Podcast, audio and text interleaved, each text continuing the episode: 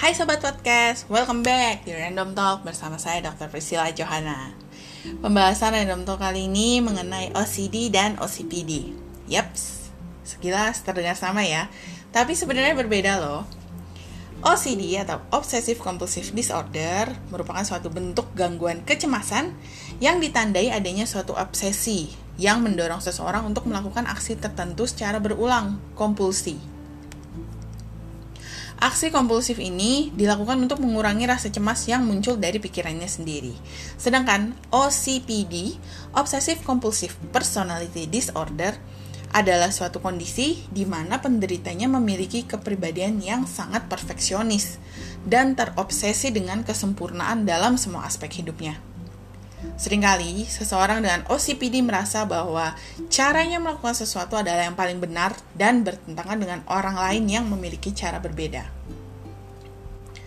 Meskipun OCD dan OCPD memiliki beberapa kemiripan seperti pikiran obsesif yang sulit dikendalikan, peraturan internal yang harus diikuti, perilaku kompulsif yang harus dilakukan untuk menenangkan diri, ada beberapa perbedaan yang signifikan di antara keduanya yaitu yang pertama, tindakan kompulsif penderita OCD dilakukan untuk mencegah terjadinya hal yang tidak diinginkan, misal infeksi bakteri karena tangan yang kotor.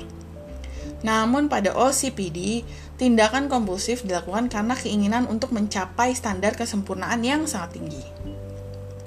Berikutnya, orang dengan OCD sering kali menyadari bahwa perilakunya bersifat tidak rasional, Sedangkan orang dengan OCPD percaya bahwa pemikiran dan perilakunya adalah yang paling tepat.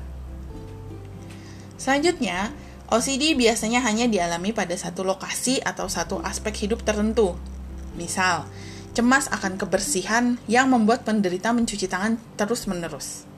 Hal ini berbeda dengan perfeksionisme OCPD yang bersifat lebih menyeluruh dalam segala aspek hidupnya. Sobat Podcast, apabila di antara kita mungkin terdapat rekan atau kerabat yang memiliki gejala serupa, sebaiknya saya sarankan untuk segera berkonsultasi dengan psikolog klinis ataupun psikiater agar mendapat perawatan tepat dan segera. Bukan untuk direndahkan atau diejek, tetapi kesehatan mental sama pentingnya dengan kesehatan fisik. Karena itu, tidak ada salahnya untuk saling support dalam hal ini. Terima kasih sudah mendengarkan podcast ini. Semoga bermanfaat ya. Sampai jumpa.